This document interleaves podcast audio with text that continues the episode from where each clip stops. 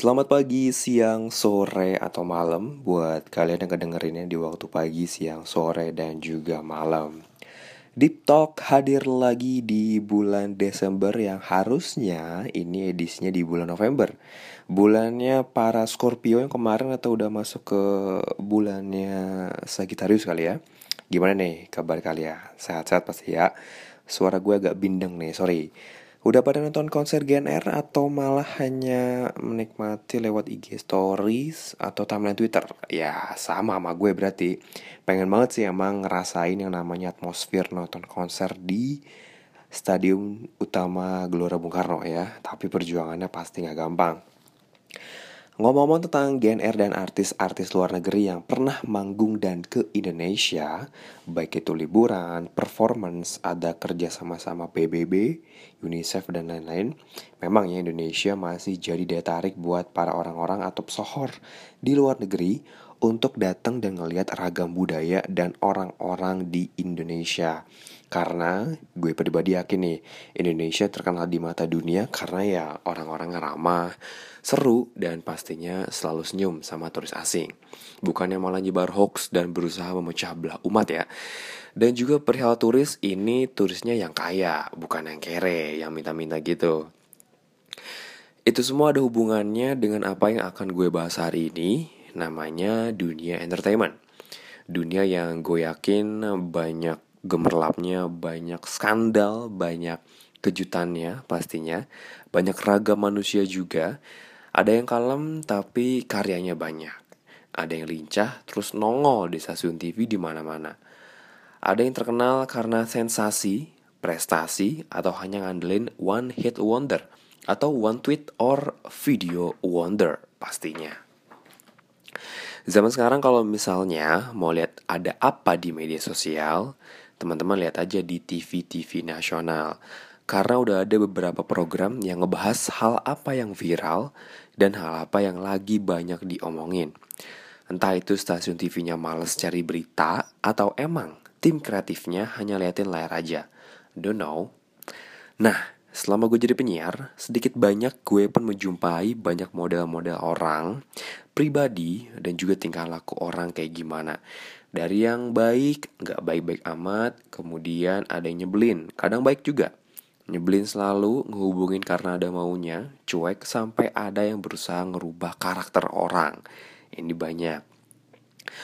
Ngomongin tentang dunia entertain juga pasti nggak jauh deh dari keseharian kita awal-awal nonton program-program di TV. Dari yang acaranya settingan, kisah nyata, debat publik berujung gontok-gontokan, reality show, bagi-bagi duit, sampai ke acara yang isinya selama beberapa jam tuh joget terus. Dan nyanyi diselingin komentar dan curcol pembawa acara sampai ke jurinya. Dan itu banyak. Pasti tau lah nama-nama beken di dunia hiburan ini, baik yang masih ada maupun yang udah nggak ada terkenal karena emang asli lucu dan baik atau emang lucu dan baiknya itu kebutuhan di depan kamera aja. Gue gak akan komentarin beberapa nama beken di TV, tapi ada beberapa yang gue jadi ikan panutan dan juga contoh untuk karir gue.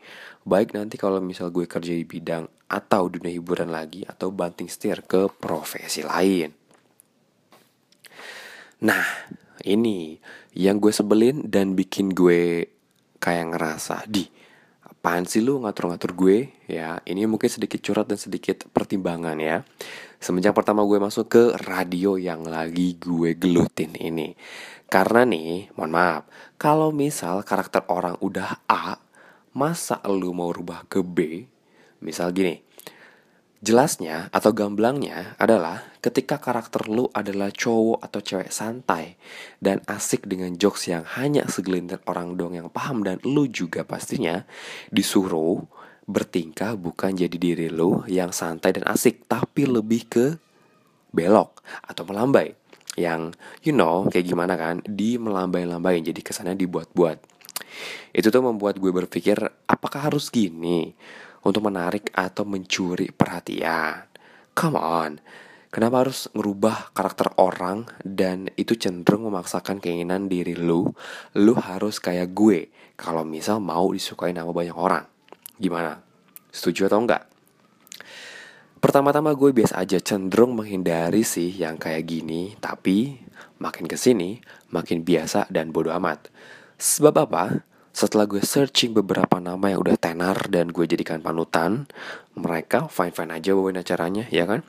Contoh ada Vincent Desta, Gofar Hilman, Danang Darto. Lihat deh, kalau misalnya lu nggak pernah lihat Vindes atau Vincent Desta kayak gimana, kalau lagi nge-host, Lalu ada Gofar juga pas siaran, Danang Darto pas siaran dulu. Mereka bukan pelawak, mereka ya just entertain. Mau jokesnya masuk atau enggak ya bodo amat. Mau mereka yang ngerti sama jokesnya ya bodo amat. Ibarat kata kalau benda itu batu nih ditetesin air pelan-pelan, ya pasti lama kelamaan bakal cekung, cenderung bolong dong. Nah ini yang gue pegang teguh banget cari orang yang satu frekuensinya, satu jokesnya, satu bercandaannya sama tuh sulit. Sulit banget. Harus mungkin searching 2 hingga 5 tahun. Kalaupun kita masuk ke sebuah komunitas, masuk ke sebuah lingkungan baru, kita justru akan nyaman sama orang yang obrolan dan juga celetukannya sama. Ya, meskipun nama orang yang baru dikenal banget itu butuh proses. Kayak lo mikir dalam hati, nih orang akan kayak gimana nih obrolannya pasti gitu gue juga gitu waktu pertama kali masuk ke lingkungan baru di sebuah komunitas belajar radio anak-anaknya asik gak so asik ada sih yang so asik. Cuman ya untungnya gue selalu punya alasan untuk menghindar. Dan intinya semua itu tergantung pada kita pada kalian. Pintar-pintarlah menempatkan diri kita dalam sebuah tempat sebuah wadah. Ada tuh peribahasanya gue lupa. Jadi diri sendiri memang harus, memang enak. Tanpa harus meniru atau mengkopi orang lain. Orang lain ya udah orang lain aja, kita ya kita, nggak akan pernah bisa sama.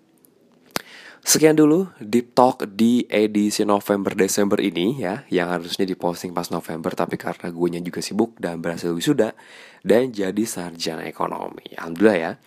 Buat kalian yang ingin membahas sebuah materi atau topik Yang mungkin bisa gue bahas juga Langsung aja senggol di Twitter At Andrian underscore Dan di IG Andrian Febi atau email di fafandrian at Atau langsung komen aja di Soundcloud langsung ya. Sampai ketemu di episode berikutnya. Peace.